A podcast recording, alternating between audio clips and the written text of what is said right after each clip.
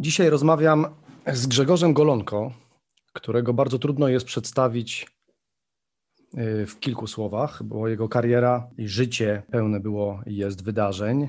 Oczywiście spróbuję. Kolarz, organizator wyścigów MTB, szosowych, triatlonowych, jak również, czego się zaraz dowiemy, gravelowych, założyciel Bike Academy i jeszcze najważniejsza rzecz, taka najbardziej obecnie spektakularna, mistrz świata w kolarstwie szosowym z kategorii Masters.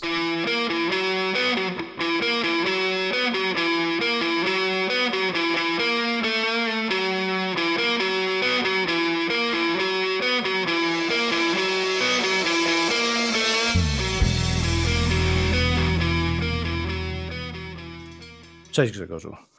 Dzień dobry, witam. Starałem się jak najpełniej przedstawić Twoją długą listę. Y, czy coś pominąłem?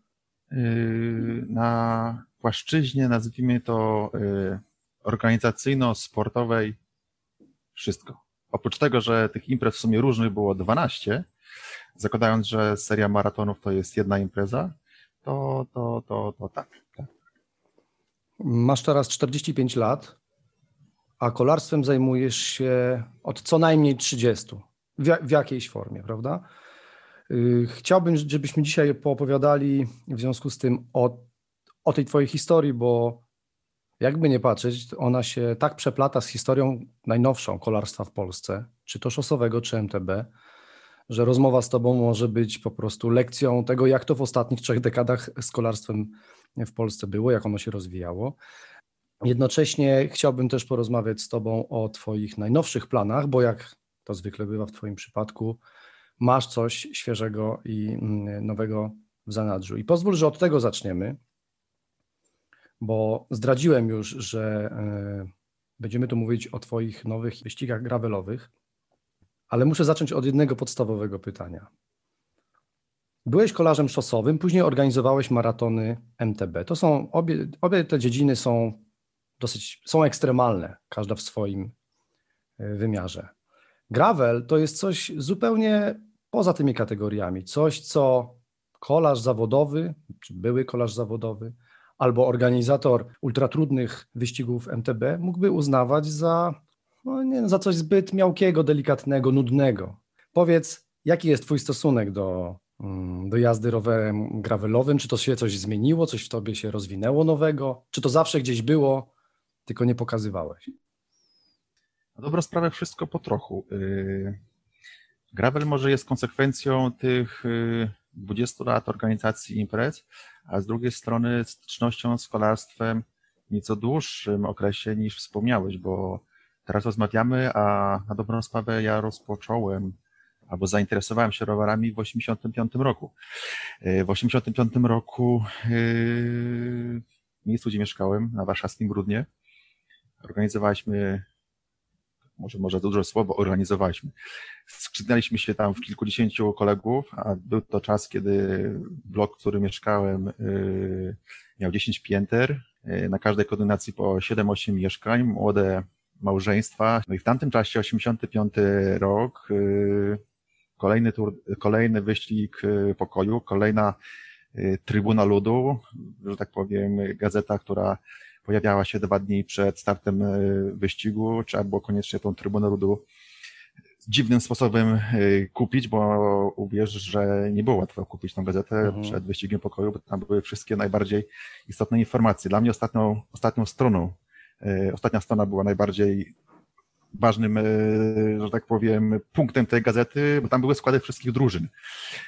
I te drużyny, że tak powiem, żeśmy kolekcjonowali, to był czas, kiedy graliśmy w kapsle, ale to był też czas tych wyścigów naszych takich e, podwórkowych. 9, 10, 11 latkowie ścigali się na różnych konstrukcjach, na różnych rowerach, po, po drogach niekoniecznie bezpiecznych. Pamiętam, że nawet te wyścigi robiliśmy na ulicy jednokierunkowej.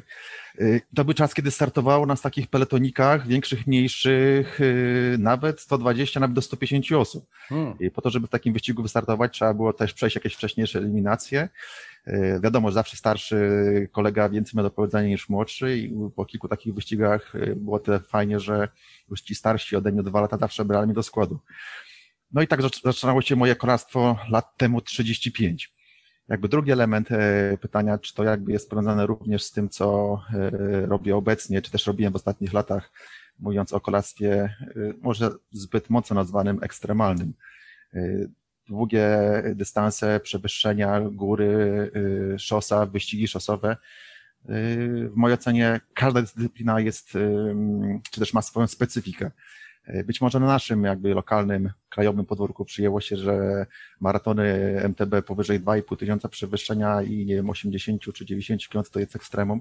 W świecie to są normalne dystanse i, i naprawdę to nie jest coś, nad czym większość zachodniej Europy czy, czy Stanów Zjednoczonych, e, nad czym się tak, że tak powiem rozpływa, że jest to w takiej, a nie innej formule. Najwyraźniej. A, a gravel? No, przepraszam, najwyraźniej a... powiedziałem tak, opierając się na swoich własnych doświadczeniach i wciąż świeżych wspomnieniach z kilku startów. No, w porównaniu do innych maratonów na pewno nasze się wyróżniały i taka moja była idea, żeby te imprezy miały to coś w sobie. E, a gravel na dobrą sprawę, gravel to jest takie połączenie e, tego, co robiłem kiedyś i nie ukrywam, że jakby początek e, czy też pomysł na, na, na wyścig gravelowy mi się już pojawił lat temu, 4 czy 5, a w ogóle mi to chodziło po głowie od dłuższego czasu, aczkolwiek wtedy nie było jeszcze takiego roweru, który umożliwiał e, przemieszczanie się właśnie w takiej, a nie innej formule, która teraz jest dedykowana dla, dla, gravela. 13 lat mieszkałem w Warszawie, potem rodzice przeprowadzili się, chcąc nie chcąc, musiałem z nimi do, do Białego Stoku i akurat Podlasie i tamten czas, kiedy ćwiczyłem w wieku juniora, młodszego juniora, Orlika, każda zima to było jeżdżenie po tych naszych podackich szutrach. E, I wiele lat trwało, kiedy, kiedy, kiedy ten rower, nawet nie wiedziałem, że taka będzie, jakby w ogóle dyscyplina jak jeżdżenie gravelowe pojawi się. My żeśmy to wszystko ujeżdżali najpierw na rowerach zwykłych, klasycznych, szosowych, e, na szerszych, szerszych oponach, drutówkach aluminiowych albo żelaznych obręczach, na ostrym kole przy przełożeniu, jak dzisiaj pamiętam, 42-22. Myśmy po tych szutrach jeździli. Później pojawiły się rowery e, górskie, te rowery górskie chcąc nie chcąc zimą były skuteczniejsze, biorąc pod uwagę, że był śnieg, było błoto, był syf, było jakby ogólne warunki mało komfortowe. I, i wjeżdżając y, z, później też y, z Białego Stoku gdzieś tam hen, hen dalej w Polskę czy za granicę, cały czas jakby myślałem, że jak to jest, no, wyścigi robię i w Karkonoszach, i w Beskidach, w Sudetach, i, i nad morzem, na Mazurach, na Warmii, w zachodniej części, w centralnej części kraju, a nigdy nie było żadnych zawodów właśnie na Podlasie. I teraz jak przeanalizowałem, to tylko Podlasie i województwo lubelskie to są te miejsca, gdzie e, nigdy nie byłem z imprezami.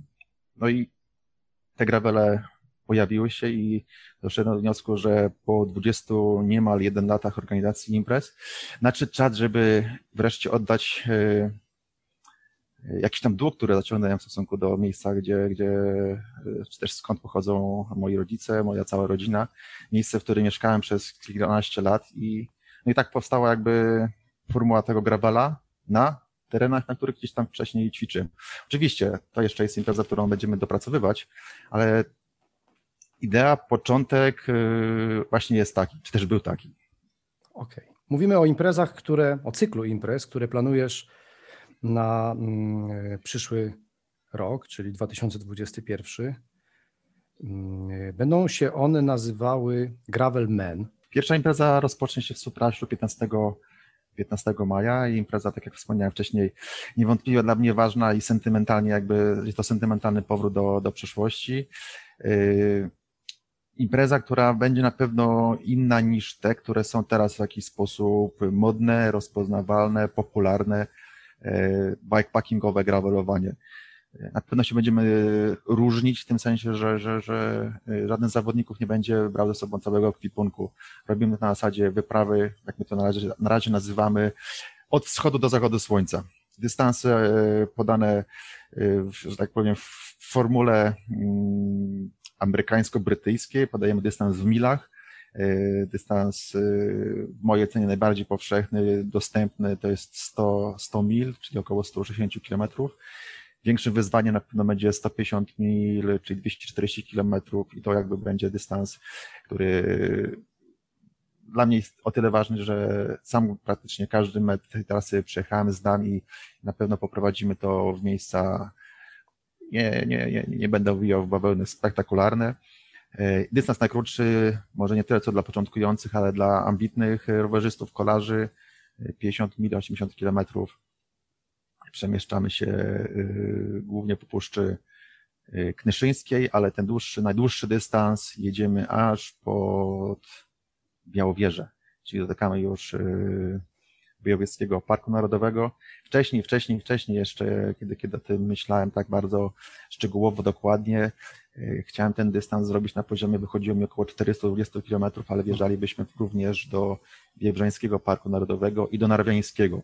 Więc na jednym dystansie około 400 km można y, jako jedyny, jedyna wyprawa, jedyna impreza w kraju zaczepić trzy parki narodowe, no ale to jakby byłoby w pewnym sensie y, dedykowane dla, dla tych imprez backpackingowych, bo no 400 km w ciągu jednego dnia wydaje mi się, że to jest nierealne do przejechania. Mhm. 240-250 km jak najbardziej tak przy, przy założeniu, że rozpoczynamy w połowie maja, dzień będzie już długi, bardzo długi, więc przy założeniu nawet, że jedziemy od godziny 6 rano do godziny 9 wieczorem, 16-17 na godzinę średnia prędkość, naprawdę to nie jest y, wyzwanie, jeżeli chodzi o kwestię y, czasu.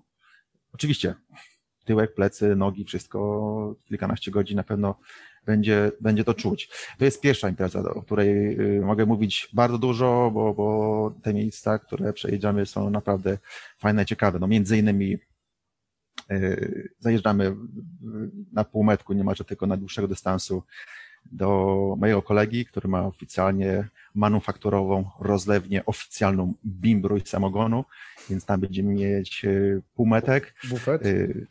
Y, oczywiście też i bufet, y, bufet sportowy, a nie imprezowy, więc tam będzie też to fajne, mam nadzieję, fajne zapamiętane miejsce na, na terenie Podlasia, czy też na, na pierwszej imprezie. Wjeżdżamy również do prawosławnego skitu, czyli w miejsce odosobnione miejsce, w którym y, kapłani wyznania prawosławnego delektują się samotnością. Miejsce specyficzne. Y, jesteśmy nad Zalewem Śmianówka, jesteśmy, i to też bardzo ważny punkt w Kruszynianach, jednym z dwóch miejsc, gdzie są i dalej żyją y, Tatarzy. Mhm. Akurat Kruszyniany i Bochoniki to najbardziej na zachód wysunięta część gdzie osiedlali się potomkowie Mongołów. Tam żyją cały czas Tatarzy, tam jest jurta, tam jest meczet i koło tego meczetu również będziemy robić dedykowany bufet i mam nadzieję, że domówimy się z lokalną, bardzo przymiłą panią właścicielką dużego takiego obiektu historycznego i tam chcielibyśmy też ludzi poczęstować czymś wyjątkowym, coś z kuchni pogranicza polsko-białorusko-litewskiego, ale z nutą y, tatarską. Wracamy, przejeżdżamy przez kilka y, bardzo wyjątkowych, y, nazwijmy to cieków wodnych, rzeczek w Puszczy, w Puszczy. Dojeżdżamy do Arboretum w okolicach już samego, samego Sopraśla. Co najważniejsze, że idziemy naprawdę po bardzo dobrej jakości szutach, chyba nadleśnictwa które są na Podlasiu, dbają o to, żeby z jednej strony drzewostan był właściwy, z drugiej strony dbają również, żeby ten drzewostan w odpowiednim czasie wyciąć, bo drogi szutrowe są na tyle fajne, dobre, równe, że spokojnie można też i szybko pojechać. Mhm. Mówiąc Powiedz... my, mhm. jako, jako tak. organizatorzy, to mówię o, o Suprasiu, tutaj biorę na klatę kompletnie każdy centymetr trasy. Kolejne imprezy, współpracuję z, z Michałem Brudziewiczem, jesteśmy później też w Krakowie, to jest współpraca z Romkiem Czmylewskim, z właścicielem firmy kartograficznej Kompas mhm. i, i, i kończymy całą serię imprez y, w Starchowicach i tu współpracujemy z Robertem Bieruckim, kolarzem, którego jakby terenie były też rozgrywane w ostatnich latach e, Mistrzostwa Polski Szosowe Masters. Mhm. Yy, czyli mówimy o formule ala Dirty Kanza. Yy, zgadza się? Tak, tak, tylko wiesz, Dirty Kanza to już chyba od paru dobrych tygodni ta nazwa nie funkcjonuje. Były tam problemy, yy, nie wiem, czy słyszałeś o tym? Nie. Nazwa się zmieniła, także yy, wiem, że chyba mieszkańcy stanu Kansas Yy, protestowali od dłuższego czasu. Dirty Kanada niedobrze kojarzy się z tubylcami i, i, wiem, że tam po tych wielu, wielu protestach nazwa imprezy została zmieniona. Mhm. Sprawdź, zweryfikuj to, bo też szukałem i jest teraz inna nazwa, nie pamiętam, ale wiem, że głównym partnerem jest Garmin. Okej.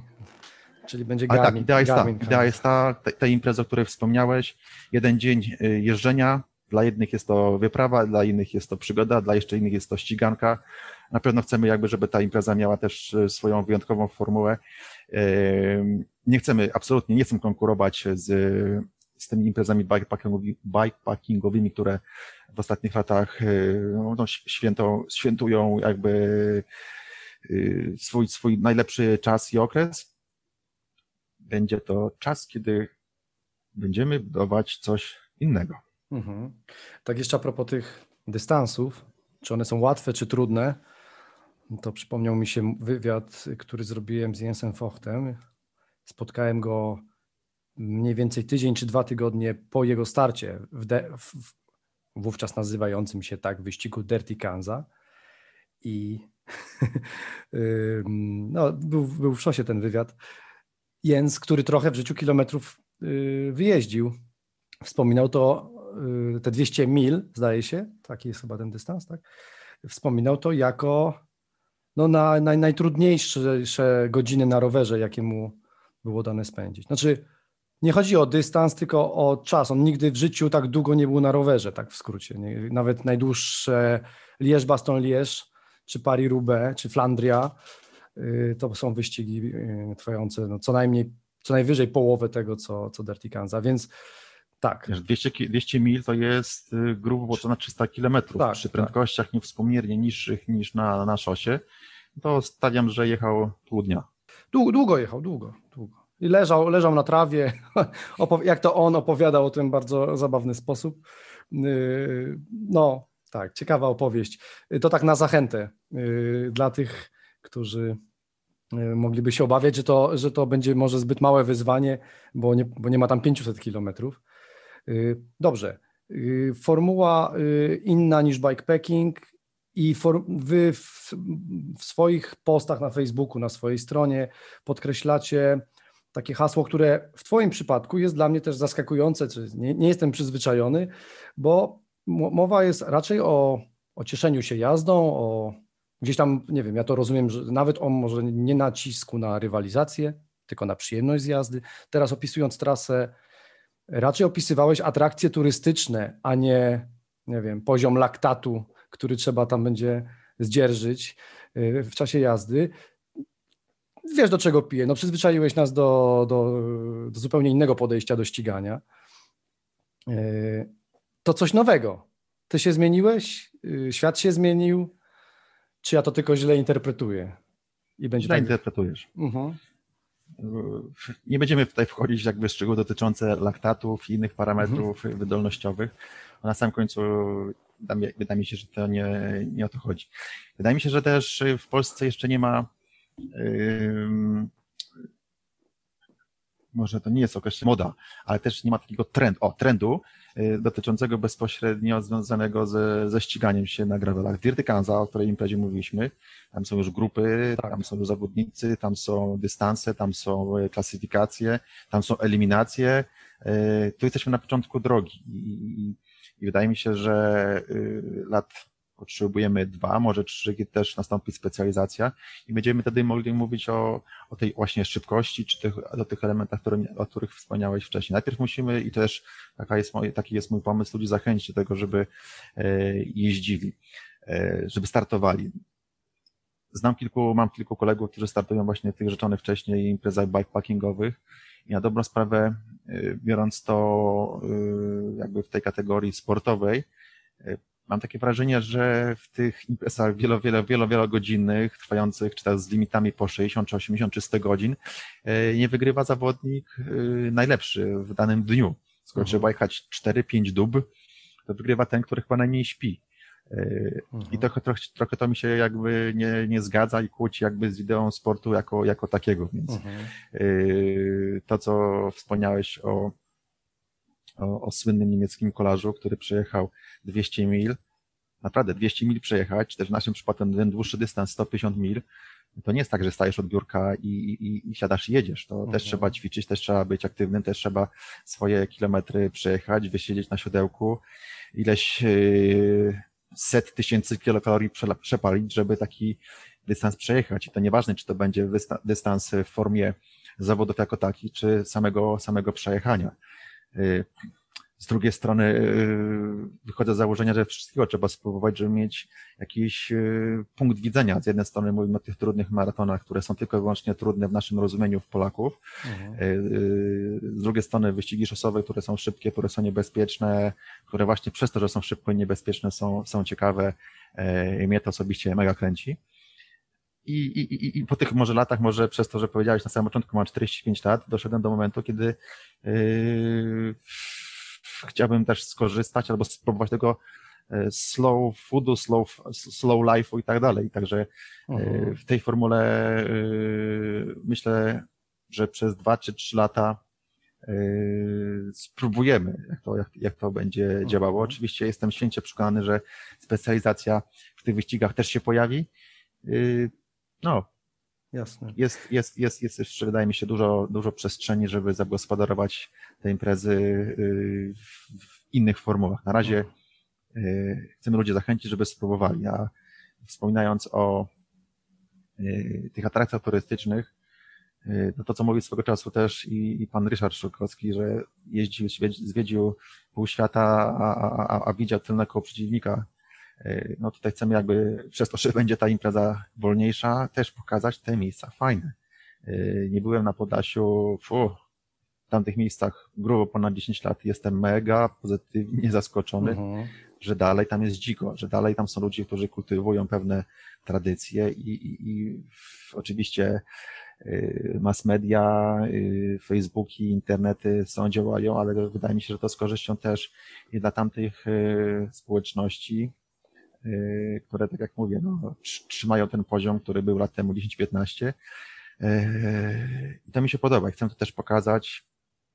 No, tak jak wspominałem wcześniej, groją ich imprez to jest południe Polski, y, bardziej Sudety niż, niż tutaj jakby rejony bieszczackie. Doszedłem do wniosku, że po dwóch dekadach idziemy, rozpoczynamy na Podlasiu. Mhm. Czy ty wystartujesz przynajmniej tej pierwszej edycji swojego wyścigu? Będzie to możliwe? Chciałbym wystartować. Yy, tym bardziej, że yy, od czterech lat yy, ścigam się na szosie. A, a, a, właśnie te gravele to jest jakby takie połączenie tego, co robię jakby, albo robiłem przez ostatnich 15, 16, może nawet więcej, 20 lat, czyli imprezę MTB, ścigam się na szosie, to będzie, wydaje mi się, fajne połączenie. Będzie szybko mhm. które są równe, fajne. Y, na tym dystansie 240 km jest chyba 1600 metrów przewyższenia, więc to nie są przewyższenia, które y, przerażają. Tak, chcę spróbować. A masz rower gravelowy? Jeszcze nie, ale jutro mogę nawet mieć. W każdym razie nie jest mhm. kłopotem sprzęt. Bardziej tak. myślę o tym, żeby przygotować całą imprezę y, i, mieć jakby świadomość tego, że to się, to się będzie działo w trakcie i nie będzie zależało od tego, czy mam y, na kierownicy, czy na plecach numer statowy. Mhm. Parę razy mi się udawało i jakby jestem w dobrej myśli. A no, muszę spytać o okoliczności pandemiczne, bo wiadomo, że one utrudniają organizowanie imprez. Powiedz, jak te problemy, nie wiemy przecież, czy, czy będą, a jeśli tak, to jakie, ale jak podchodzisz do, mm, do tej strony organizacji? Tutaj wydaje mi się, że jest sytuacja y, komfortowa do momentu, kiedy y, osoby decyzyjne, choć trudno nazwać osobami decyzyjnymi osoby, które podejmują spektakularnie, skrajnie, wydaje mi się, nieodpowiednie decyzje, y, choćby pamiętając kwietniowe zamknięcie lasu, jeżeli takowe zamknięcie lasów nastąpi, to na pewno impreza będzie wstrzymana, przełożona na inny czas, odwołana w skrajnym przypadku. Mhm. E, wszystkie inne ograniczenia dotyczące zgromadzeń, e, czy też zakazów dotyczących przemieszczania się po, po, po miejscach trudnych, na które musimy uzyskać odpowiednie zgody, zezwolenia, decyzje, opinie, jakby to omijamy każdy z zawodników, yy, oprócz tego, że dostaje numer startowy, żeby był weryfikowany na trasie, będzie miał tak zwany specjalistyczny tracker, którego yy, jakby posiadanie będzie nieodłącznym elementem imprezy.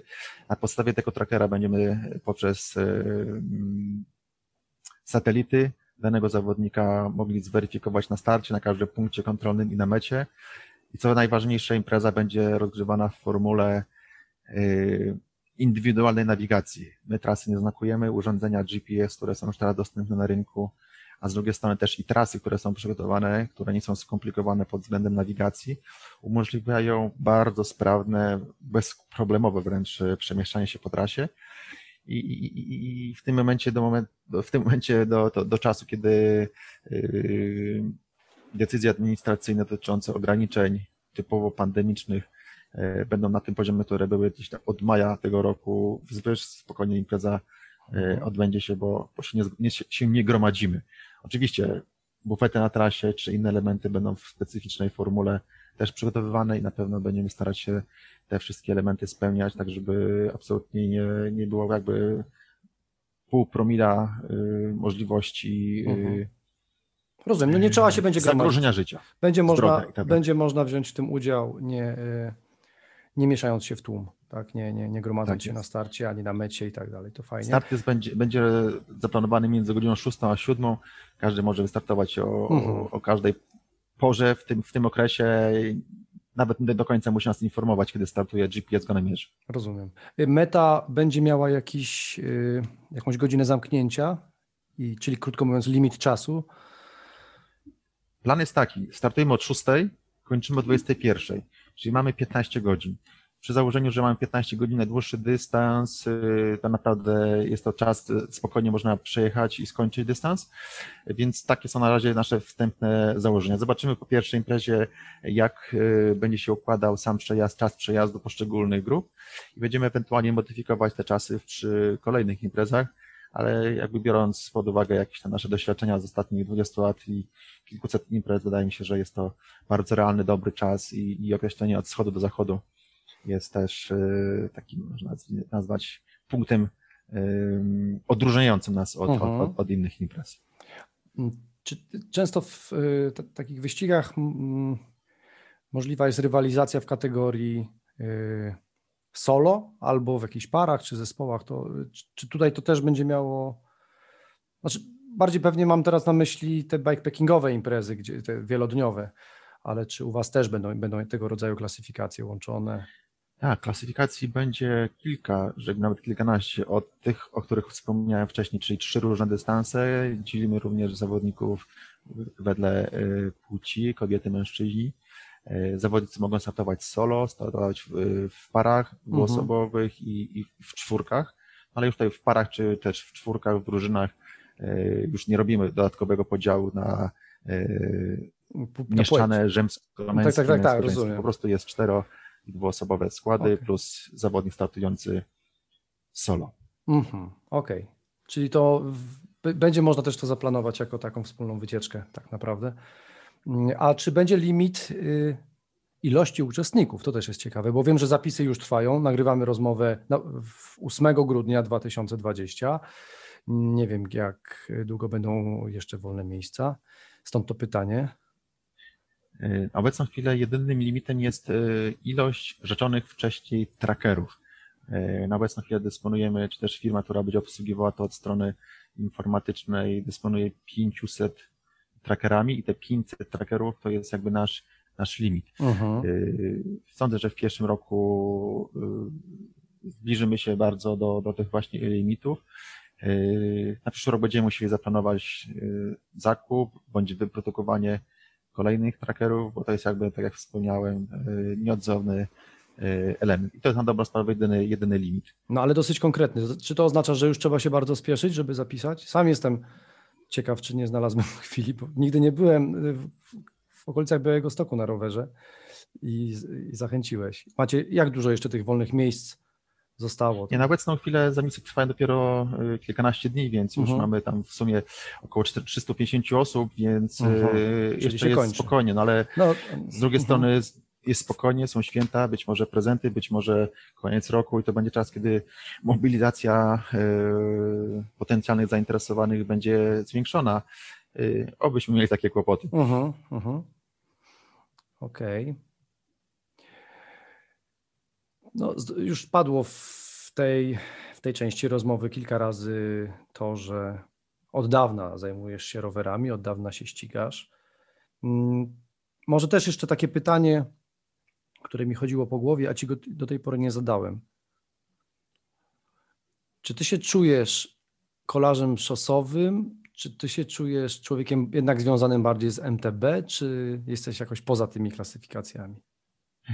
Wewnętrznie czuję się szosowcem. Mhm. Od szosy rozpoczynałem, od szosy yy, w 85 rzeczonym roku moje zainteresowania zdecydowanie yy, były pierwsze. W 85 roku nie było rowerów górskich, przynajmniej w Polsce, Tak. więc trudno, żeby yy, o tym, o, ty, o tym mówić.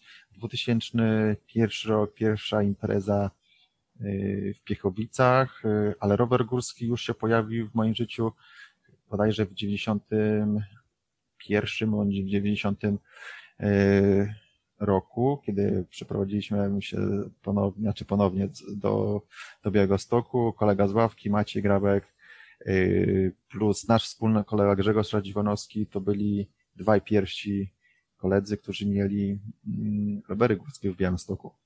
Mhm. Grzesiek Radziwanowski, pamiętam jak dzisiaj jeździł na rowerze Canyon, który kompletnie nie był tym kanionem, który, który jest teraz. Pamiętam Maciej Grabek też na punkcie rowerów górskich yy, był mocno zafiksowany yy, i chyba jego pierwszy rower to był Wheeler kupowany u pana Kuleszczy w Ząbkach. Zresztą mój też, chyba dwa albo trzy lata później.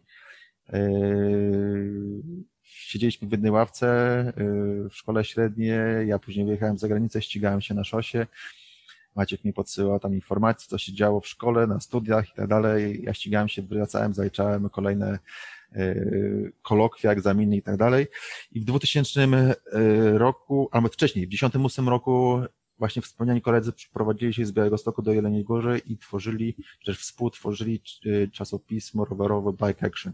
Mhm. Na dobrą sprawę oni już mocno wsiąkli rowery górskie i Maciek dwa razy z rzędu wygrał maraton na festiwalu w Szklarskiej Porębie i wtedy właśnie pojawił się pomysł, żeby takie maratony uruchomić już nie jako przedsięwzięcie jednorazowe przy okazji festiwalu, ale e, coś Serię. dłużej, trwalej i, i w cudzysłowie grubiej. Rozpoczynaliśmy od jednej imprezy, potem było pięć, osiem e, i więcej, i więcej, i więcej i, i, i być może przez to jakby e, znasz moją historię, bo, bo można powiedzieć te 20 lat cały czas przy NTB, Tak. aczkolwiek mówię, dusza, ciało, może i do końca głowa, to jest szosa.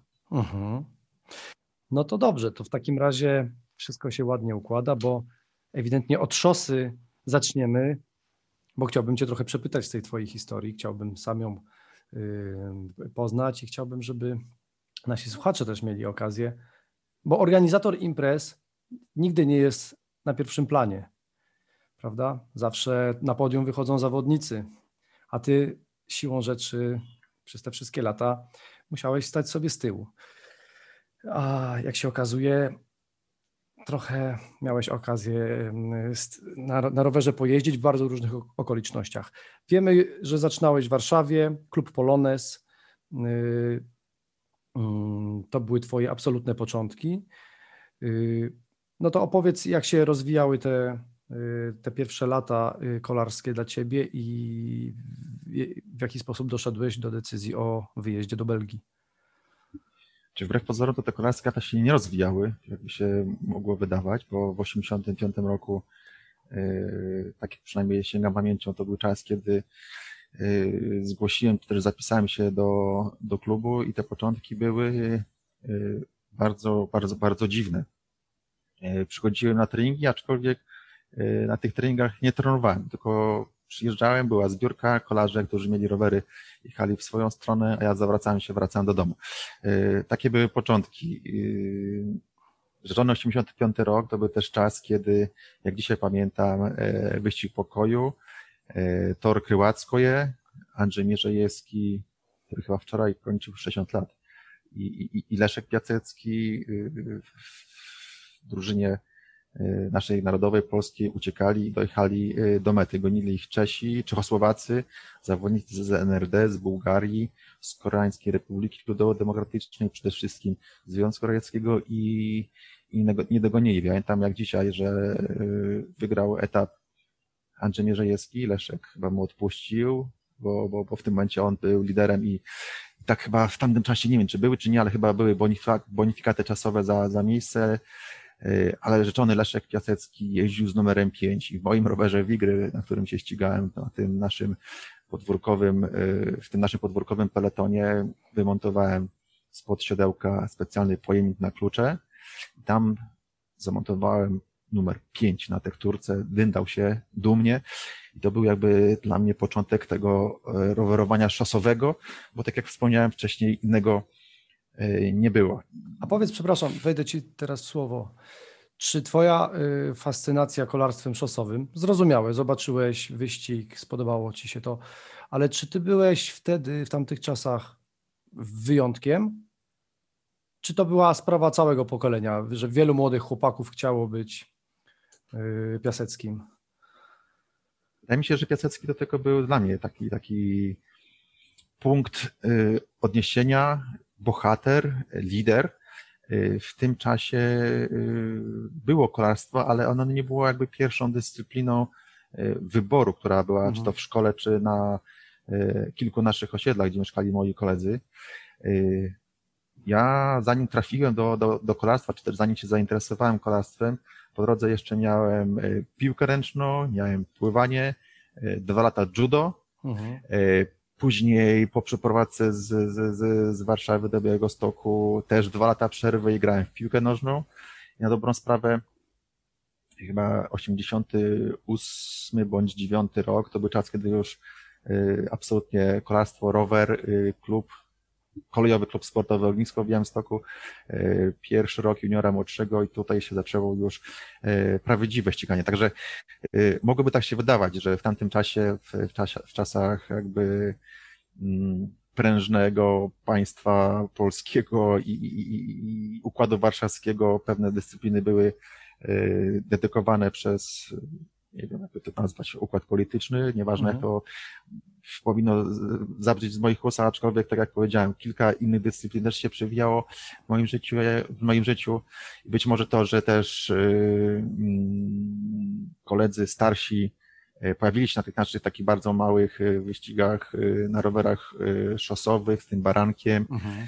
w getrowych spodenkach, bo nie było to nic związanego z obecną lajkrą i to gdzieś tam dało mi y, do myślenia, że może, może warto spróbować. No, mhm. długa, długa i różna historia. Skończyło się w Białymstoku już na poważnie, na dobrą sprawę chyba 4 lata od tego momentu, kiedy pierwsza fascynacja pojawiła się. Mhm. Y, w Białymstoku też y, ścigałeś się w klubie. Przepraszam, bo w Polonezie mówisz, że się nie ścigałeś, tylko przychodziłeś na treningi. Ale to czekaj, wróćmy jeszcze do tego. Chodziło o to, że jeszcze byłeś za mały, żeby z nimi trenować i przyjeżdżałeś popatrzeć tylko na ich zbiórki, czy, czy coś źle zrozumiałem? Z jednej strony chyba byłem jeszcze za młody, a z drugiej strony przychodziłem na zbiórki, na które już przyjeżdżali zawodnicy, którzy już mieli sprzęt, już byli poobierani. Rozumiem. Jak się pamiętam, e, zbiórka była w Polonezie na Łabiszyńskiej i wyjeżdżali wszyscy w kierunku Zalewu Zagrzeńskiego, no i dwa czy trzy razy spróbowałem na tym moim wigrym za nimi pojechać, ale do, do pierwszego skrzyżowania i tyle było z mojego jeżdżenia. Mhm. E, później wiem, że chyba mi raz zaproponowali e, rower, który dostałem tylko na czas przejazdu i też ten jazda moja była e, chyba jeszcze krótsza niż, niż na wigrym, więc to nie był czas, kiedy mm, trenowałem, tylko można powiedzieć, że byłem w w środowisku, ale ze, ze ściganiem czy z zawodami jako takimi miało to niewiele wspólnego. Mówię uh -huh. o tym mhm. wydaniu takim typowo kolarskim. Tak. Czyli Białystok był y, i klub w Białymstoku był tym pierwszym klubem, tak? Pierwszym miejscem, tak, gdzie... Tak, takim, takim z prawdziwego zdarzenia, kiedy na treningach y, jeden rower był dostępny dla trzech, czterech zawodników, każdy miał godzinę treningu, musiał oddawać, następny zniżał siodełko, podwyższał kierownicę, uh mhm. -huh. miał swoją godzinę następną.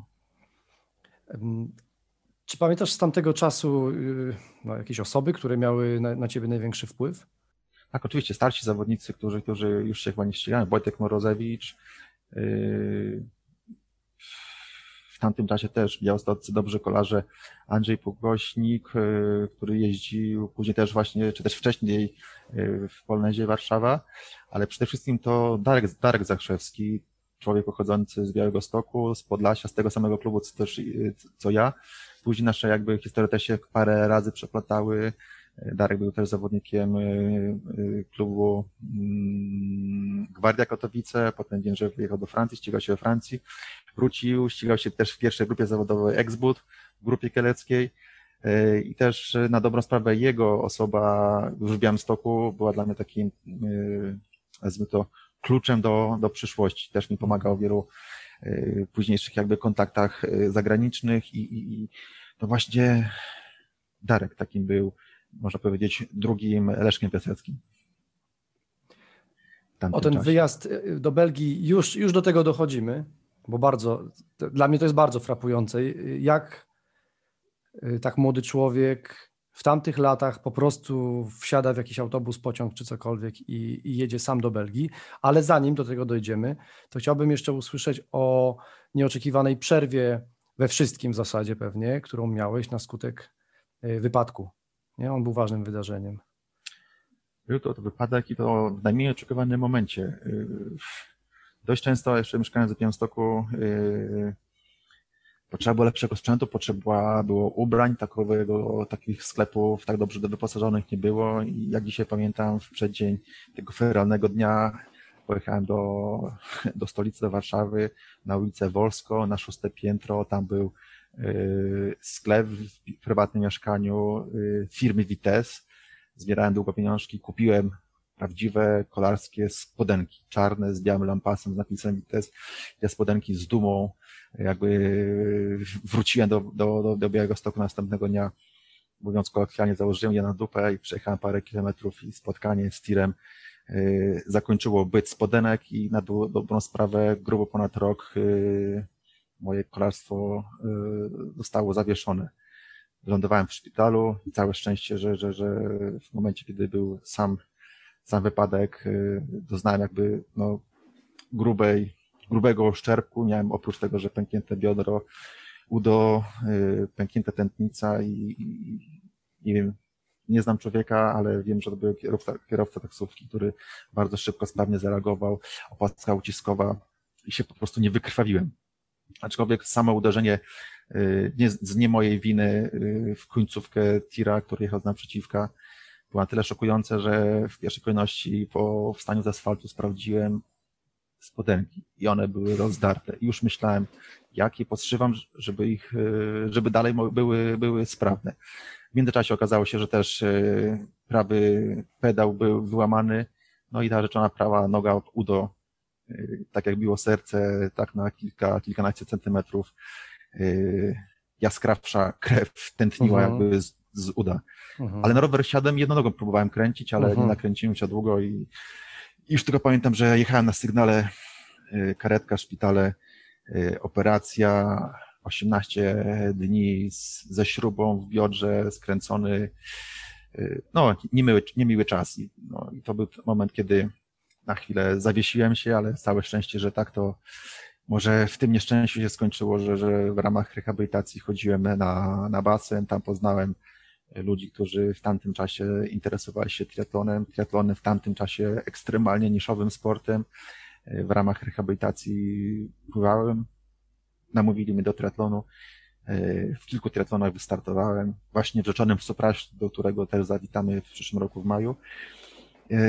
Ta chwila przerwy być może jeszcze bardziej mnie do tego jakby nakręciła, bo, bo jeszcze wracając delikatnie do samego, samego wypadku, pierwsze rokowania po przyjeździe do szpitala były takie, że przez te kilka godzin, kiedy, kiedy krew nie dochodziła do całej kończyny, pierwsze rokowania były takie, że trzeba amputować.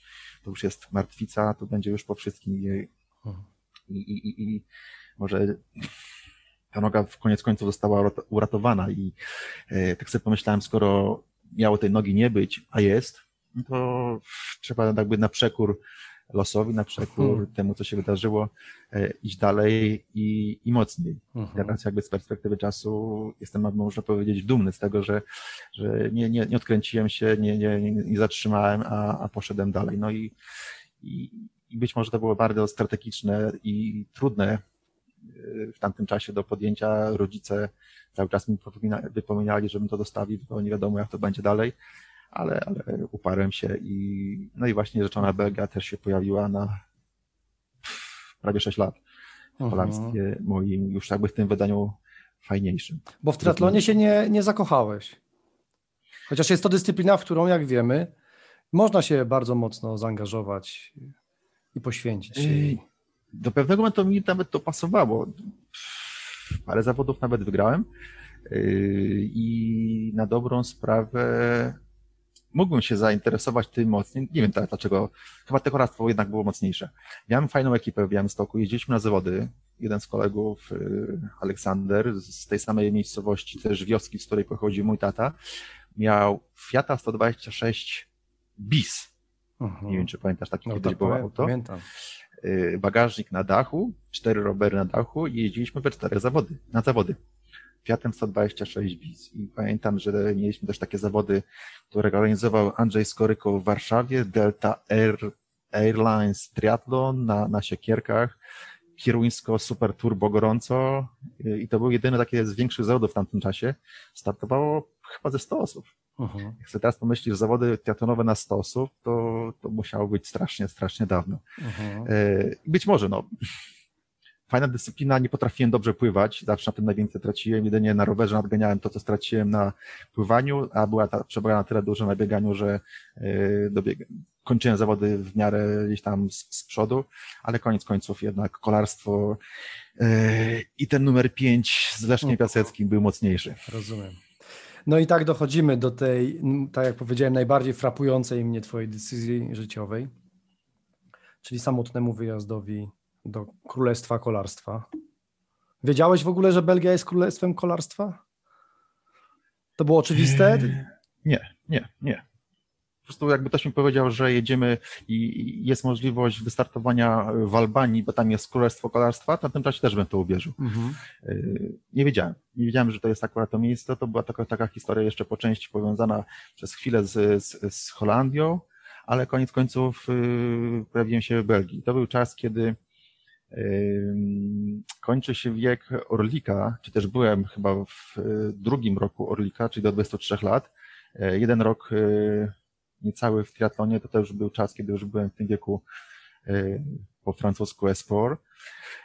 Ale wiedziałem, że w Gencie jest jedna restauracja, w której to właściciel jest takim, można powiedzieć, międzynarodowym Samarytaninem i ludzie z całego świata zjeżdżali się do niego, deklarowali chęć jeżdżenia. Absolutnie nie można mówić tu o żadnym zawodowstwie. To była totalna, totalna amatorszczyzna. Dostawało się licencję belgijską, oczywiście po akceptacji Narodowego Związku. W tamtym czasie uzyskanie zgody z Polskiego Związku graniczyło cudem. Nie wiem jak to, ale się udało. I, i, i pojawiłem się yy, pod koniec sezonu, to już można powiedzieć, bo przełom sierpnia i września właśnie w Belgii, w Gencie, w tej restauracji kilku kolegów z Litwy, później okazało się, z którymi się związałem na kolejnych kilka lat, e, koledzy z Australii, e, Amerykanie, i tam żeśmy rozpoczynali taką, można powiedzieć, amatorską jazdę, ale z drugiej strony to był czas, kiedy mm, nie wiem, czy dalej to funkcjonuje, to był okres, kiedy zawodnicy mający kontrakty może trudno nazwać je zawodowymi w sensie stricte, ale którzy mieli y, więcej do powiedzenia w kolarstwie takim mocno profesjonalnym i amatorzy spotykali się na wspólnych wyścigach, gdzie ci pretendenci mogli zmierzyć się bezpośrednio z tymi, którzy mhm. bądź kończyli czas jeżdżenia takiego mocno pro, y, bądź im się kończyły kontrakty, bądź y, mieli czas, żeby, żeby się pościgać. I dopuszczano właśnie tych słabszych zawodników i y, chyba z pięć, sześć pierwszych wyścigów nie spodziewałem się, że tempo może być tak gigantyczne. Nie kończyłem tego, tych wyścigów, y, a przyjechałem do, do Belgii z rowerem, y, wydawało, mi się fajnym, lekkim, dobrym, ale w tamtych czasach, gdzie ściganie było bardzo dynamiczne, szybko, dużo zakrętów, górki z górki, teraz może o tym nie myślę, ale w tamtym czasie bardzo mi ubolowało to, że manetki miałem w ramię a nie, a nie, a nie, w, a nie w klamkach. I każde zdjęcie ręki z kierownicy, zmiana przełożenia, to był jakiś tam czas, kiedy, kiedy się traciło może nie bezpośredni kontakt, ale mocno mnie to irytowało. Ale parę takich wyścigów udało mi się pojechać z tymi zawodnikami, pseudo-zawodowcami. Przyjechałem, przyjechałem w dziesiątce i pod koniec belgijskiego sezonu, pod koniec wręcz października, yy, okazało się później, że to był też bardzo znany człowiek. E, Etienne de Wilde to był wielokrotny e, mistrz Belgii i też mistrz świata na torze, a jego brat Lucien de Wilde, prowadzący też restaurację w miejscowości obok Gentu, powiedział przyjeżdżaj, mamy drużynę, mamy klub, e, będziemy ścigać się już fajniej, z większą, fajniejszą jakby ekipą, już taką można powiedzieć półprofesjonalną. Mhm. Wróciłem do Polski i pamiętam, że chyba w grudniu nasypało tyle śniegu, że grubo ponad chyba 700 kilometrów zrobiłem na nartach biegowych, e, nie mogąc praktycznie jeździć na, e, na szosie. Mhm. E, nie było trenażerów, wtedy jeździło się na takich bardzo siermierznych rolkach. Mieszkałem na drugim piętrze bloku. W momencie, kiedy odpalałem rolkę na tym drugim piętrze, to 15 bloków obok słyszało, że trenuję, więc mhm. tutaj trzeba było trochę kombinować. Wyjeżdżanie na, na przełaj do lasu wiatrze wiązało się dwa czy trzy dni wcześniej z łopatą, żeby można było zrobić trasę, żeby można było przejechać. Trudne to było, ale z drugiej strony bardzo mocno jakby no miałeś motywację. Wiedziałeś, tak. że, że wiosną trzeba będzie. Yy, właściwie pewnie nie wiedziałeś, na co się jeszcze szykować, ale, ale wiedziałeś, że trzeba, że trzeba się szykować. Ale chcę jeszcze wrócić, bo wciąż mm, trudno mi sobie to wyobrazić. Znaczy, rozumiem, nie miałeś 16 lat, tylko miałeś tam 22, tak? Jak, jak wyjechałeś. Tak. To nie musiałeś już rodziców prosić o zgodę i tak dalej. Nie musiałeś rezygnować z liceum ale czy po pierwsze, czy, czy coś cię w kraju trzymało? Bo mówiłeś, że Macie Grabek ci, ci mówił, co tam na studiach słychać, to znaczy, że miałeś studia w tym czasie, tak?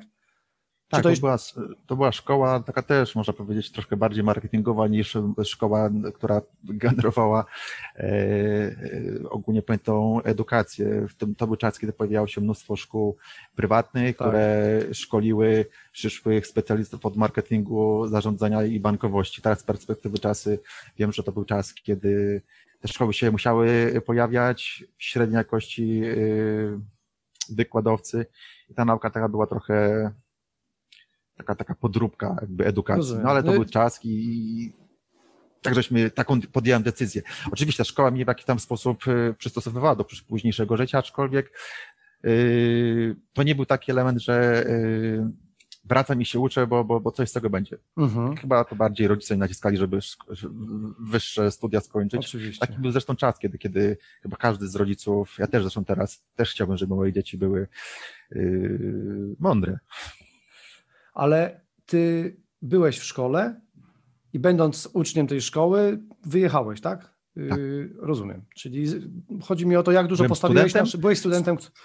Mhm. Szkoły yy, yy, wyższej yy, w studiach w systemie zaocznym. O.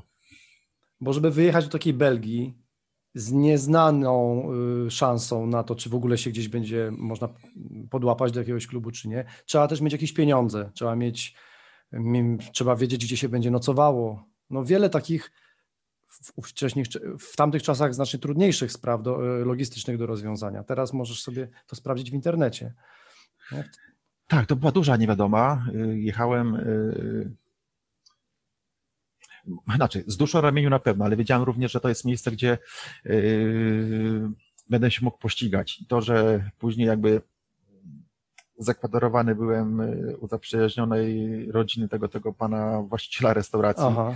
Y, to już jest jakby inna historia. To, że spałem przez jakiś czas koło traktora na Strepianie też jest inna historia. To, że kolejne dwa miesiące spałem w stajni nad y, kilkoma klaczami, koniem, to też jest inna sprawa, że każdego ranka przychodził właściciel e, i te konie regularnie wyprowadzał na, na pastwisko, czy też wypuszczał, otwierając trzeszczące drzwi, to już jest inna sprawa.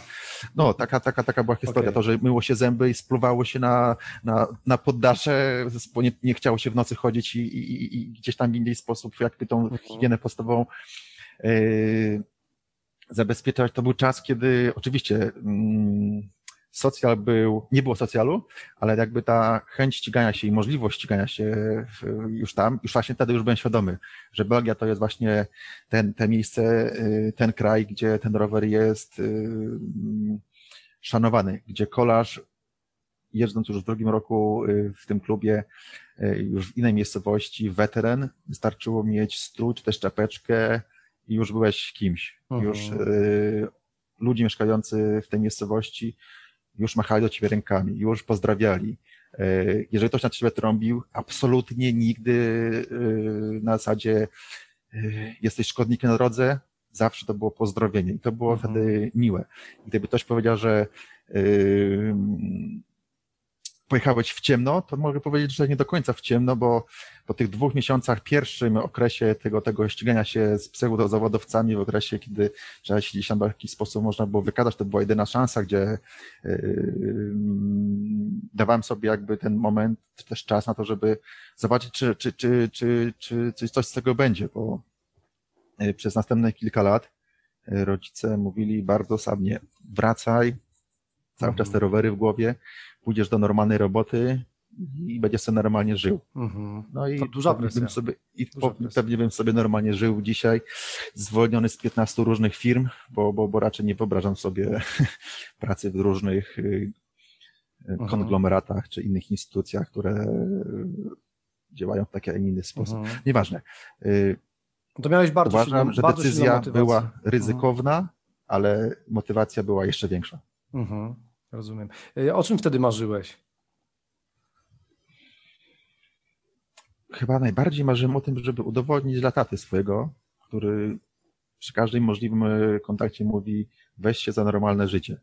I tak sobie pomyślałem, że oczywiście na początku było trudno. y, Raz na jakiś czas wracałem do domu, brałem pieniążki, żeby zapłacić nawet te zakwaterowanie, czy chcąc normalnie żyć, jeść i tak dalej, więc nie miałem z tego pieniędzy i powiedziałem sobie, że pal go licho jak będzie z wynikami w pierwszym czy też w drugim roku, muszę dla swojego ojca taty udowodnić, że jego słowa były na tyle y, źle odbierane przeze mnie, bo było jakby to na zasadzie takie, że demotywatorem były dla mnie gigantycznym, ale z drugiej strony motywatorem, że jak już pojechałem, to nie wrócę Tak. z niczym. I tak sobie powiedziałem, i to było na początku, ale już później trzeba się to wszystko w jakiś tam sposób układać, kręcić, to już się chciało więcej wygrywać, no ale to był czas, kiedy, kiedy, kiedy eh, Europa Wschodnia była w odwrocie i nie traktowano nas poważnie jako, jako kolarzy. Mhm. Rozumiem. Byliście oddelegowani do najgorszych zadań, tak? Najgorszych zadań, no na pewno może nie, na, na pewno nie, nie byliśmy do tego, żeby wygrywać. Tak. byli inni, my mieliśmy tą jakby czarną robotę. Oczywiście o tym można dużo mówić yy, i lepiej i gorzej. Ja jeszcze byłem na tyle jakby zadowolony, szczęśliwy, że i te kolejne lata też dalej mnie motywowały, bo yy, praktycznie nie trzeba się było martwić o, o nic, trzeba było, znaczy o nic w tej strukturze nazwijmy socjalnej, bo, bo oczywiście treningi, jeżdżenie i, i, i forma w danym momencie też jakby pretendowały nas do startu w lepszych wyścigach, a niektóre wyścigi były o tyle yy, fajne, że jako drużyna mogliśmy zarobić lepsze pieniądze. Potem się już pojawiły oczywiście pieniądze i ten y, podział był na tyle fajny, że warto było, to jest chyba rzeczą normalną, być, być silnym, żeby cię zabierali na lepsze wyścigi. Oczywiście Mhm. to nie jest to, co to jest teraz w Proturze, gdzie są y, poszczególne osoby dedykowane do, do, do zadań na wyścigach wielodniowych, jednodniowych. Bardziej tam w Belgii ścigając się w tamtym czasie ważniejsze było, czy jedziesz na rantach, czy jedziesz w mokrym, czy jedziesz po bruku. I na ten, to była jakby kwestia mm, wyboru yy, na wyścigi. Mhm. Yy, A bo mówiliśmy już o tym, jak dużym zderzeniem y, było dla chłopaka z Polski młodego przyjechanie tam i nawet odnalezienie się w kwestiach ekonomicznych, przetrwanie tam po prostu i plus załapanie się do zespołu. Y, Ale powiedz, jak z poziomem sportowym, jak ty się tam czułeś? Bo mogłeś się nagle skonfrontować no, pewnie z najlepszymi y, kolarzami w swojej kategorii, swojej klasy. I ja- ja- jakie to było zderzenie? Znaczy zderzenie po tym drugim, yy, czy też w tym pierwszym roku testowym, a potem już jakby tym właściwym, już takim nazwijmy to ściganckim, yy, było drastyczne, bo Mhm. pierwsze wyścigi mieliśmy już w lutym. Yy, Ja nie, nie, nie do końca jakby teraz jestem w stanie to odtworzyć, ale z półtora miesiąca to był czas, kiedy ja nie kończyłem wyścigu. Mhm. Wyjechało się w tym pierwszym okresie do domu, poćwiczy, ćwiczyłem, trenowałem, wróciłem e, jakby do miejsca, gdzie, gdzie pół roku wcześniej się ścigałem, a okazało się, że e, nie to, że nie kończyłem jednego wyścigu, nie kończyłem dwóch, tylko nie kończyłem chyba z dwudziestu. Mhm. I, I to był jakby kolejny moment, załamanie że, i zastanawianie się nad tym, czy, czy, czy, czy to jest dobry, dobry wybór. Naprawdę, półtora miesiąca, może bliżej dwóch miesięcy, kiedy jak już w tym jednym wyścigu pamiętam, padał śnieg, deszcz padał w poprzek i, i to był wyścig, który przyjechałem w grupie.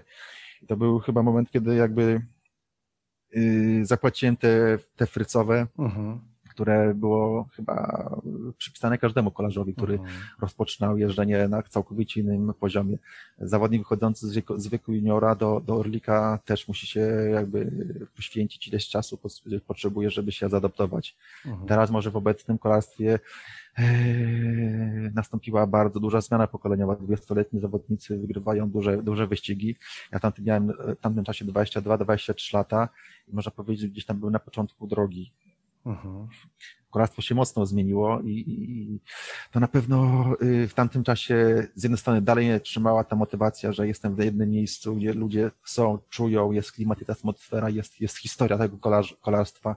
Coraz to więcej jakby tych, tych E, impulsów zewnętrznych mówią, że tak, to jest dobre, ale tak jak wspomniałem, półtora miesiąca nie kończyć żadnego wyścigu i, i zaczyna się jakby myślenie. E, w tym czasie gdzieś tam próbowałem troszkę nie wiem, pracować, coś szukać, szukać jakby innego, alternatywnego życia. Gdzieś byłem parę dni przy y, plantacji tuj, trochę pracowałem przy szczepieniu róż, ale to takie były na zasadzie, jak nie brali na tyle inne wyścigi, to mhm. mogłem jechać jakiś tam słabszy, jak nie było słabszych, to gdzieś tam coś robiłem.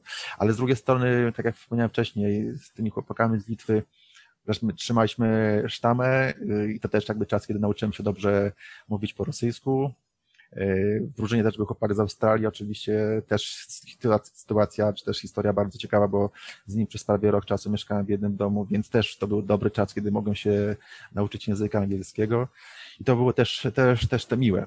Ale ten okres frycowy minął i później wyścigi kwiet, kwietniowe, majowe już, już, już szło lepiej. Mhm. I już było dobrze. A jakie były mm, no, najważniejsze twoje wyścigi tam w Belgii? Co najbardziej wspominasz? Yy wyścigi, które, które jechałem jeszcze jako, jako Orlik. Yy, słynny Paris-Roubaix, który chyba na 80 kilometrze skończyłem, bo już się nie załapałem w limit. Już przyjechał yy, najpierw sędzia poinformował, że już jest po wszystkim, także mhm. to był ten, ten, ten wyścig. Yy, I drugi wyścig yy, dookoła Flandrii, też dla, dla, dla Orlików. No i ten przyjecha, przejechałem. Yy, ale to, tak jak mówię, no, to nie był czas, kiedy można było robić coś dobrego dla siebie, trzeba było mm. dbać o drużynę. E, a to się mówi, przyjechałem w takiej towarowie, że szkoda mówić o, o, mhm. o miejscu, ale te wyścigi y, zaliczone, trudne, wymagające, y, jak to w Belgii, wyścigi ardeńskie, czy też y, flightryjskie, te, które są na początku sezonu, mają swoich specjalistów. Y, są osoby, czy też były osoby, które były, specjalizują się, będą się specjalizować w tych wyścigach. No, ja startowałem raz, jedyny raz w tych wyścigach, zobaczyłem, poczułem y, i na pewno pamiętam. Mhm. Praktycznie będąc tam jako zawodnik w składzie, to nie chcę tutaj jakby porównywać, bo to jest jakby inny, inny czas, inna, inne, inne, inne jakby układy, ale to w pewnym sensie gdzieś to jakby nawiązuje do tego, co jest teraz e, z Maciejem Bodnarem. Jedzie z, z, z Saganem, jedzie dla, dla ekipy i on jakby jest odpowiedzialny za te pierwsze być może kilometry, te płaskie etapy, płaskie odcinki wietrzyste, trzeba gdzieś tam chronić e, liderów to w pewnym sensie było coś podobnego. Oczywiście w wydaniu absolutnie amatorskim albo takim półzawodowym, yy, a to mniej więcej w tej formule to w tamtym czasie działało. Mhm. Po kilku latach jeżdżenia w Belgii wróciłeś do Polski. Co, co było przyczyną i z jakimi myślami do tej Polski wracałeś? Spełnienia, czy to, czy wręcz przeciwnie, chciałeś jeździć dalej w Belgii, ale z jakichś powodów nie mogłeś i to był dramat? tak jak entuzjazm się pojawił bardzo dynamiczny i cały czas trwał i jakby ta yy, kolarska mięta była, była mocna, ale po tych kilku, niemalże sześciu latach, są jakby epizodem, można powiedzieć, na początku, czyli pięć lat, jakby mm, troszkę mnie zmęczyły. Oczywiście mógłbym powiedzieć, jakieś tam były kraksy, kontuzje, ale to jakby w skali całego jeżdżenia to się praktycznie yy, brało z, z, z, z marszu. Yy, Zmęczyło mnie, może powiedzieć, to, że ten cały czas y, zawsze był ktoś nad tobą, zawsze ktoś mówił, co masz robić i za bardzo można było y, jechać indywidualnie. Ale z drugiej strony takie jest kolarstwo. Wygrywa ten, kto jest najlepszy, wygrywa góra, ale nie wygrywa ten, który jest y, dobrze, czy też duży, ciężki. Znowuż wygrywa sprinter, a ten, kto jest jakby do tego, żeby mu pomóc, ma jakby odpowiednie zadanie. Teraz jak patrzę z z tych kilkunastu lat po zakończeniu, kilkudziesięciu lat po zakończeniu jeżdżenia może trzeba było to przetrzymać.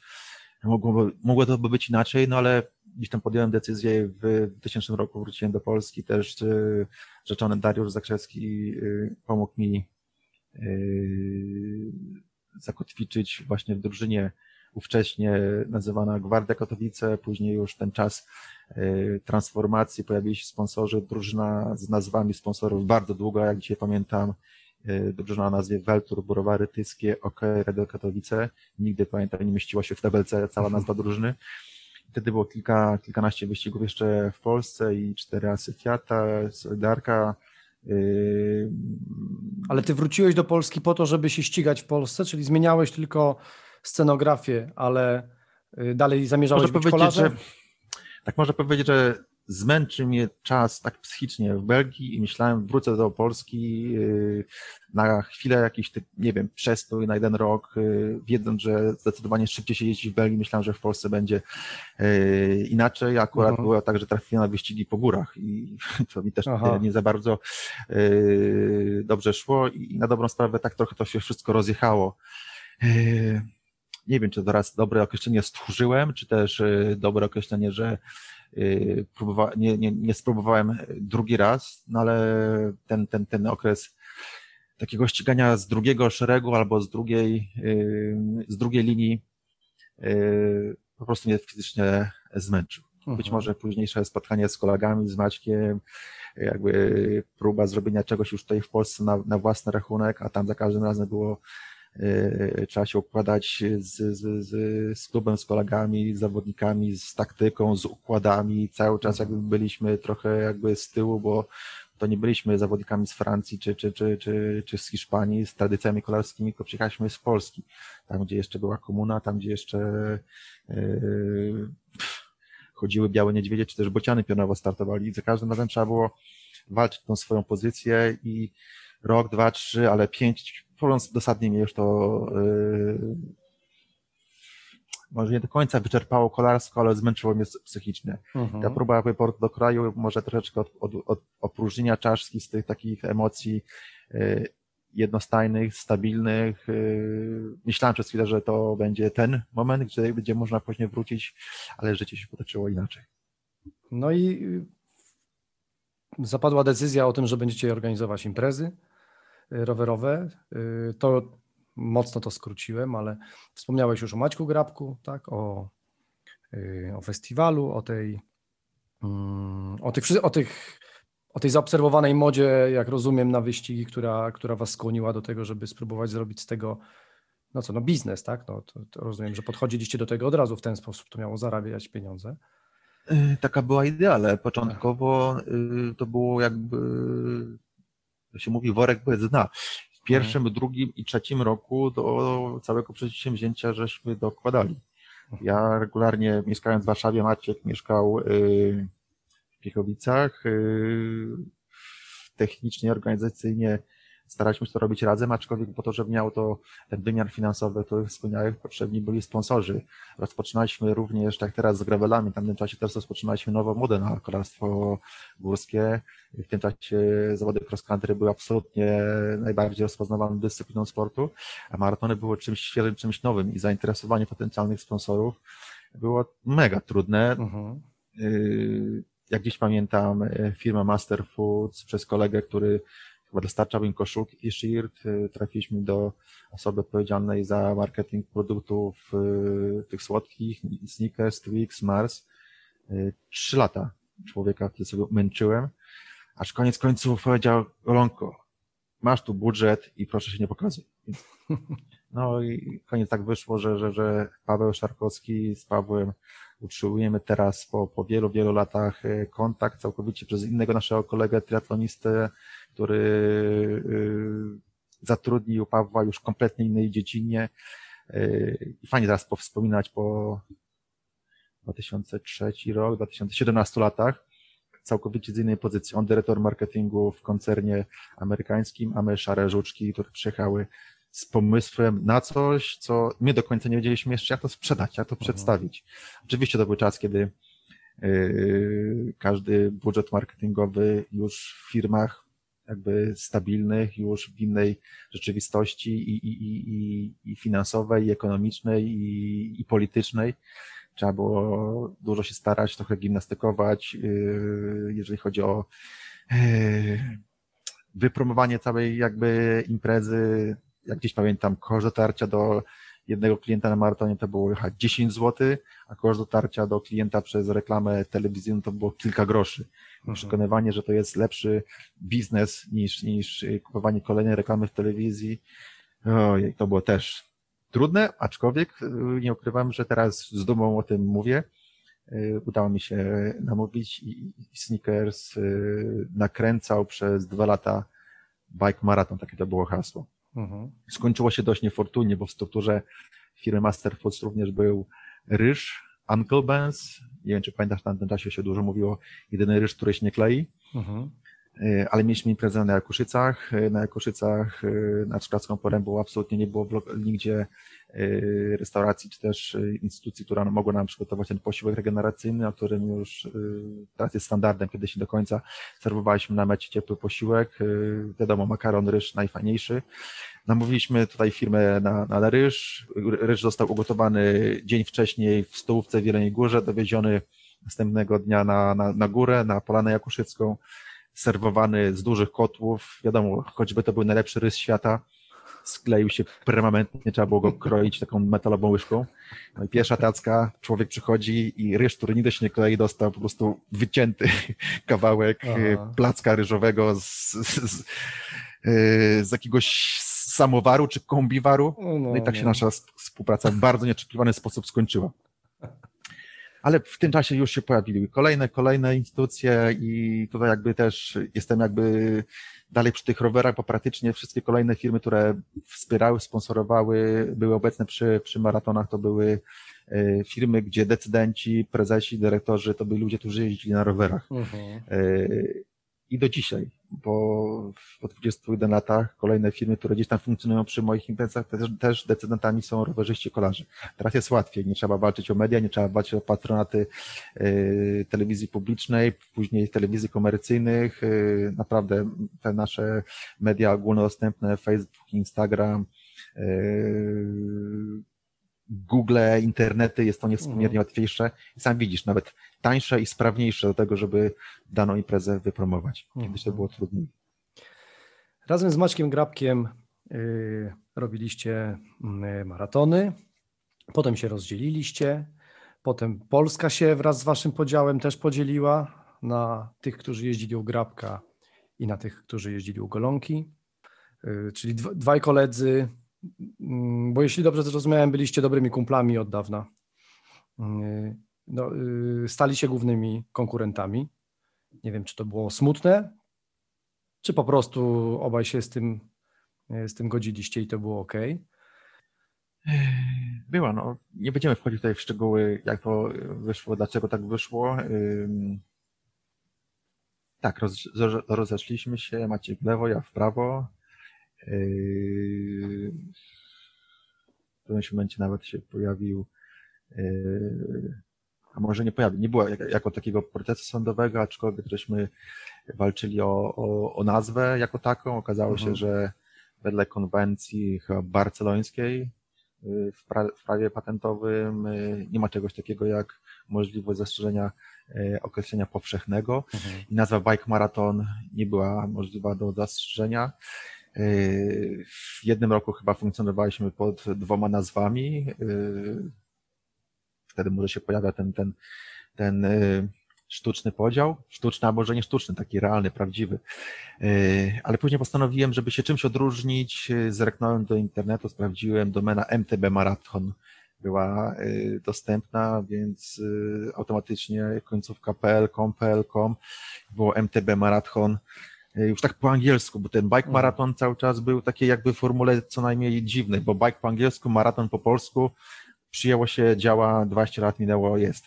A MTB maraton trzeba było jakby na nowo, na świeżo. Skoro już się mhm. pojawiło w tym takim prawdziwym nazewnictwie anglojęzycznym, no to doszedłem do wniosku, że skoro nazewnictwo jest prawdziwe, to i MTB też powinno być prawdziwe. Yy, to był czas, kiedy, kiedy, kiedy mocno, mocno, mocno eksplorowałem polskie góry. Yy, I te imprezy były z tym, z tym elementem innym, różniącym się od innych, które też powstawały jak gdyby po deszczu. Ma dobrą sprawę, w momencie, kiedy myśmy się z Mackiem rozeszli, rozeszli były dwie serie, yy, lat temu chyba dwa czy trzy, analizowałem, było jakby apogeum, bo byliśmy w Polsce grubo ponad 20 różnymi seriami maratonów. Mhm. Ale tak jak tutaj wspomniałem wcześniej, nazwa jakby zobowiązywała. To był czas, kiedy imprezy w Karpaczu, w Piwnicznej, w Krynicy w... i w innych mocnych miejscówkach górskich żyły swoim życiem i to był czas również, kiedy tych ludzi jeżdżących prawdziwe kolarstwo było bardzo, bardzo dużo i wydaje mi się, że y, chyba do tego już nie wrócimy. Mhm. Y, skończyłeś organizować maratony z cyklu MTB Maraton. W pewnym momencie, nie pamiętam kiedy to było. 2016, czyli 16 lat. Mhm. A dlaczego przestałeś je robić? Yy, to, co powiedziałeś na samym, samym początku, yy, różne imprezy się pojawiły. Po części w 2005 roku pojawiła się pierwsza polska etapówka NTB, Sudety NTB Challenge, w 2007 Beskidy NTB Trophy, kilka lat później również wyścig MTB na orientację, Carpathia Mountain Bike Venture i, i, i, i, i troszeczkę jakby zafascynowały mnie imprezy etapowe, trudniejsze, dłuższe, bardziej yy, intensywne. I przyciągające, już... ludzi, przyciągające ludzi z, z wielu krajów. Tak, ale oni przyjechali dlatego, że jest impreza, bo byliśmy kolejną imprezą na świecie, tylko było to, to, to coś. Yy, I po części jakby yy, też pojawiła się, pojawiła się seria triatlonów, i były cztery czy pięć jakby zajęć, które trzeba było wszystko wypośrodkować i znaleźć to, co będzie fajne. No, maratony z jednej strony pojawiało się i więcej, więcej, więcej i konkurowanie yy, jakością imprez, yy, zaangażowaniem w, w trasy, znakowanie, dowiezienie bufetów w górach było niewspółmiernie trudniejsze od imprezy w Otwocku czy, czy, czy nie wiem, w Muławie. Troszkę też się zmieniły preferencje zawodników, uczestników. Już to nie było tak, że, że, że, że jedziemy w góry, jedziemy coś porządnego, trudnego, fajnego, co będziemy wspominać, aczkolwiek jest dalej grupa ludzi, która to e, jakby cały czas e, szanuje i ja też jakby szanuję ich e, preferencje, które są cały czas stałe. W ciągu 15 lat praktycznie można powiedzieć zmieniło się pokolenie. Teraz mhm. jest wszystko łatwiejsze, szybsze, bliższe i chcąc nie chcąc, jakby to yy, rowerowanie w, w formule MTB Maraton po prostu najzwyczajniej w świecie nie przetrwało próby czasu. Zmienili mhm. się ludzie, zmieniły się preferencje, zmienił się świat, a w drugiej strony pojawiły się kolejne imprezy, które też jakby od nowa mnie nakręciły do tego, żeby yy, robić coś fajnego w Polsce i te yy, może nie do końca dobre określenie zacofania, o którym mówiłem, będąc jeszcze ścigając się w Belgii, że byliśmy jakby z tego drugiego innego świata. Wydaje mi się, że po tych 15-20 latach, kiedy, kiedy yy, weszliśmy z jednej strony do Unii, ludzie jakby mogli za granicę przyjeżdżać, to zacofanie w dobrym tego słowa znaczeniu były elementem przyciągającym ludzi za granicę. I jakby teraz yy, mogę powiedzieć, że jestem dumny z tego, że, że, że udało mi się ściągnąć do Polski na imprezy MTB w polskich górach, górach niewysokich, bo najwyżej, gdzie żeśmy wjechali, to było schronisko pod Śnieżnikiem, niecałe 1300 metrów nad poziomem morza. Przyjeżdżali do nas ludzie z, ze Szwajcarii, z Hiszpanii, z Nepalu, w sumie z 49 państw, oprócz Antarktydy, ze wszystkich kontynentów. Mhm. I, I patrząc potem z perspektywy wyścigu w Otwocku, gdzie jedyną trudnością był zjazd z górki sześciometrowej, a elementem utrudniającym życie dla kolarza, który miał zawieszenie pełne z przodu i z tyłu, rama, rower, wszystko za 30 parę tysięcy, a trudnością były szyszki. Na tych szyszkach ludzie się wywracali. Myślałem, że to nie jest, nie jest czas, nie jest miejsce na to, żeby się dalej w jakiś sposób boksować z cały czas rosnącą konkurencją, a, a Trophy Challenge, yy, mimo że jeździliśmy po Polsce, po polskich górach, po terenach, po których wcześniej przejeżdżaliśmy z maratonami, E, ściągało do Polski ludzi naprawdę z wielu krajów i 2016 bądź 2017 rok to był czas, kiedy na dwóch imprezach, na Beskidach i na Sudetach mieliśmy tylko 12% Polaków. Mhm. E, cały czas podkreślałem, że jeżdżą ludzie po świecie, podglądają imprezy właśnie we Włoszech, Hiszpanii, w innych krajach zdecydowanie bardziej rozwiniętych y, rowerowo i płacą na przykład wpisowe na poziomie 50-70 euro za maraton z Alzheimer Trophy w Austrii, a w Polsce przy 60 zł narzekają, że są pestki w pomarańczach, czy banany są zbyt przejrzałe. E, I to mnie jakby zastanowiło, że, że po co się boksować z osobami, które oczywiście nie było ich dużo, ale było ich o nich dużo głośno.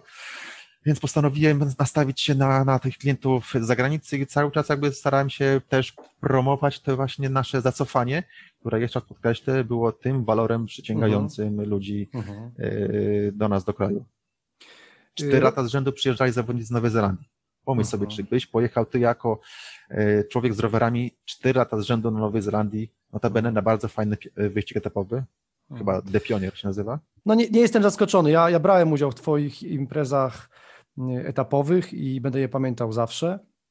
E, I to, to było rzeczywiście niesamowite, e, niesamowicie trudne dla mnie doświadczenie i dla wielu uczestników też. Pamiętam, pamiętam taką scenę z trofii, kiedy ktoś przyjechał chyba o pierwszej w nocy, czy o 23, w każdym razie jechał po ciemku, czy dwie osoby to chyba były w 2009 roku. Zieloni na twarzy przyjechali, a następnego dnia już byli gotowi dalej do startu no, nie chcę się o tym rozgadywać. W każdym razie to były, to były dobre rzeczy.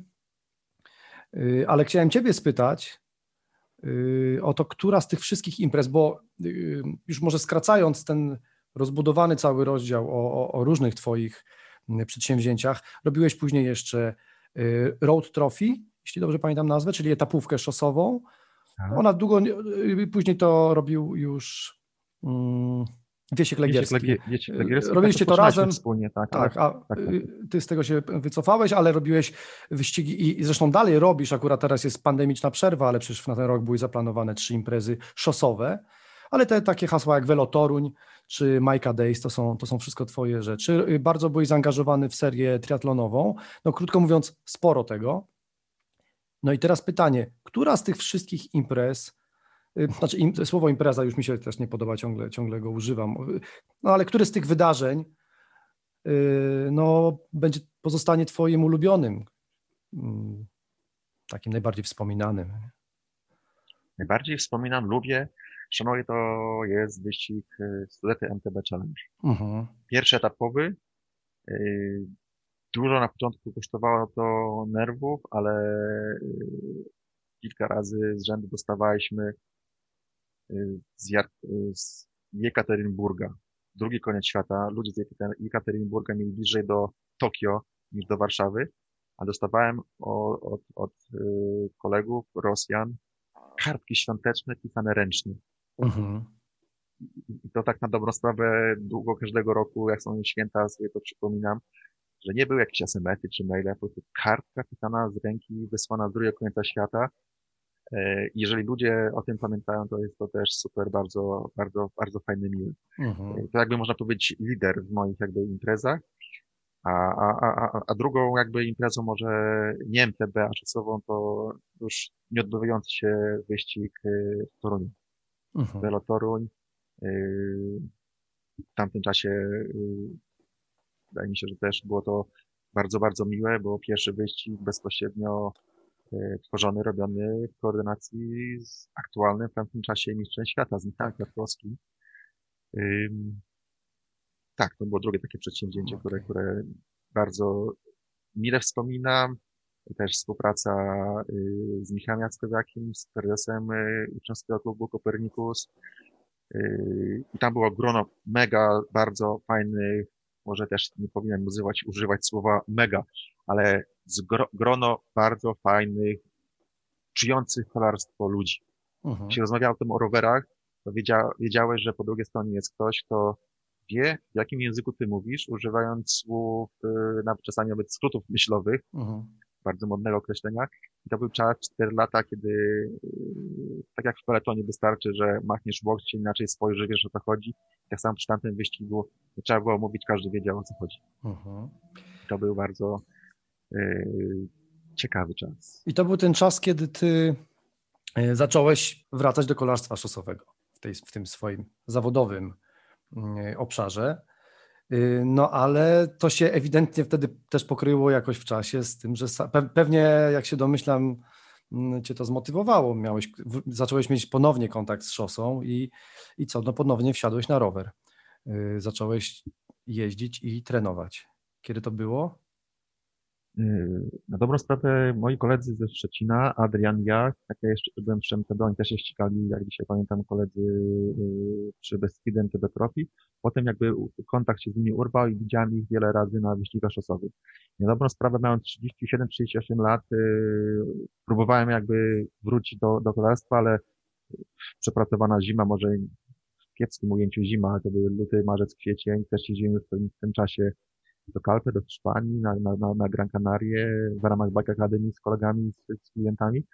I też dwa takie podejścia robiłem do, do, do sezonu szosowego. I za każdym razem w momencie, kiedy były imprezy, yy, była siła wyższa. Ale skończyłem 40 lat i powiedziałem sobie, tak samo jak wtedy wyjeżdżałem z Belgii, albo teraz, albo nigdy. I w wieku 40 lat, yy, 39 lat postanowiłem wrócić, ćwiczyłem i w wieku 40 lat, no to właśnie przesilenie 40-latka mhm. Y, wróciłem do, do, do, do, ścigania się już amatorskiego, masterskiego. Z jednej strony to też była jakby taka decyzja, wydaje mi się też mocno, mocno strategiczna, ważna, bo y, fajnie jak robisz coś, co lubisz. Fajnie, że jak to, co robisz, lubisz, daje ci pieniądze, jest to dalej motywator. Ale znowuż te kilkanaście lat i też, tak powiem, czułem już y, zamulenie, więc kolarstwo szosowe i znowu głębsze oddechy, bolące nogi, plecy, zmęczenie, e, inna e, struktura życia, inne spanie, jedzenie, odżywianie, życie Aha. E, sportowe łączone z życiem jakby zawodowym dalej przy rowerach. No potrzebowałem kolejnego, kolejnego bodźca i tak jak wtedy, kiedy miałem 22 lata, jechałem do Belgii, tak teraz gdzieś tam wróciły wspomnienia Oczywiście już w kompletnie innym ujęciu, już była rodzina, były dzieci, był, był dom, było coś, co yy, żyło jakby w innej strukturze, czyli zasadziłem drzewo, to drzewo już zaczęło dobrze yy, rosnąć. Mówię o tym całym jakby świadku wokół, więc doszedłem do wniosku, że jak już drzewo rosło, to może zawieszę tam ten karmik i będę się tym karmikiem żywił. No ten karmik to właśnie było to znowu te kolarstwo już w mhm. ujęciu szosowym. I, i, i, no i teraz można powiedzieć piąty rok, yy, kiedy znowu gole nogi. Mhm. Kiedy zacząłeś yy, jeździć, kiedy na powrót stałeś się kolarzem, yy, Rozumiesz, przez wiele lat, jak rozumiem, nie miałeś okazji potrenować i pojeździć, więc wsiadłeś na rower i co? I poczułeś, że kurczę, no, że jednak masz ten talent cały czas. Znaczy, czy to był talent? Y, bardziej chyba siła woli i, i, i znowu chęć, y, nie wiem, udowodnienia może już nie tacie, któremu mhm. udowodniłem, że przy tych rowerach dostałem i te rowery w jakiś sposób są moim życiem, ale już wtedy chyba, chyba chciałem sobie sam udowodnić, że yy, mogę jeszcze, mhm. albo, albo, albo już może nie tyle, co mogę, ale mogę, ale nie muszę, ale chcę. Mhm. Tak może trochę przewrotnie. Mhm. Y, z kolegami tutaj pojechaliśmy też na wyścig y, Challenge Majorka, y, cztery etapy i to było pod koniec chyba października, wtedy kiedy miałem 39 lat, to był trudny, trudny wyścig, bo nie ścigałem się przez wiele lat, także absolutnie żadnego etapu nie kończyłem gdzieś tam czołgu, gdzieś tam, jak to się mówi, w towarowie, ale zimę przećwiczyłem i jak dzisiaj pamiętam, 2400 km w grudniu, to jest nierealne do teraz w tych obecnych warunkach, ale nie wiem, znowu zagryzłem zęby i, i, i zacząłem ćwiczyć i, i, i pierwsze wyścigi 2016 y, rok, yy, i dwa razy stanąłem na podium Mistrzostw Polski i mhm. na czas i w jeździe startu wspólnego. Więc to był już też sygnał, że chyba aż taki stary nie jestem, jeszcze można porywalizować. Tym bardziej, że jeszcze e, niektóre kategorie były łączone i wygrywałem z 30-latkami. E, I dalej w jakiś sposób to mnie kręci. Tak mhm. mówię, czuję to miętę. Mhm. Nie zdążymy już teraz omówić całego zjawiska kolarstwa Masters, e, ale chciałem tylko zapytać, w pewnym momencie zmierzyłeś się ze światowym peletonem w tej kategorii która nie jest kategorią łatwą. Jak wtedy się tam czułeś? Stwierdziłeś, kurczę, ja mogę z nimi, może nie teraz, ale już niedługo mogę z nimi wszystkimi wygrać? Czy miałeś raczej obawy?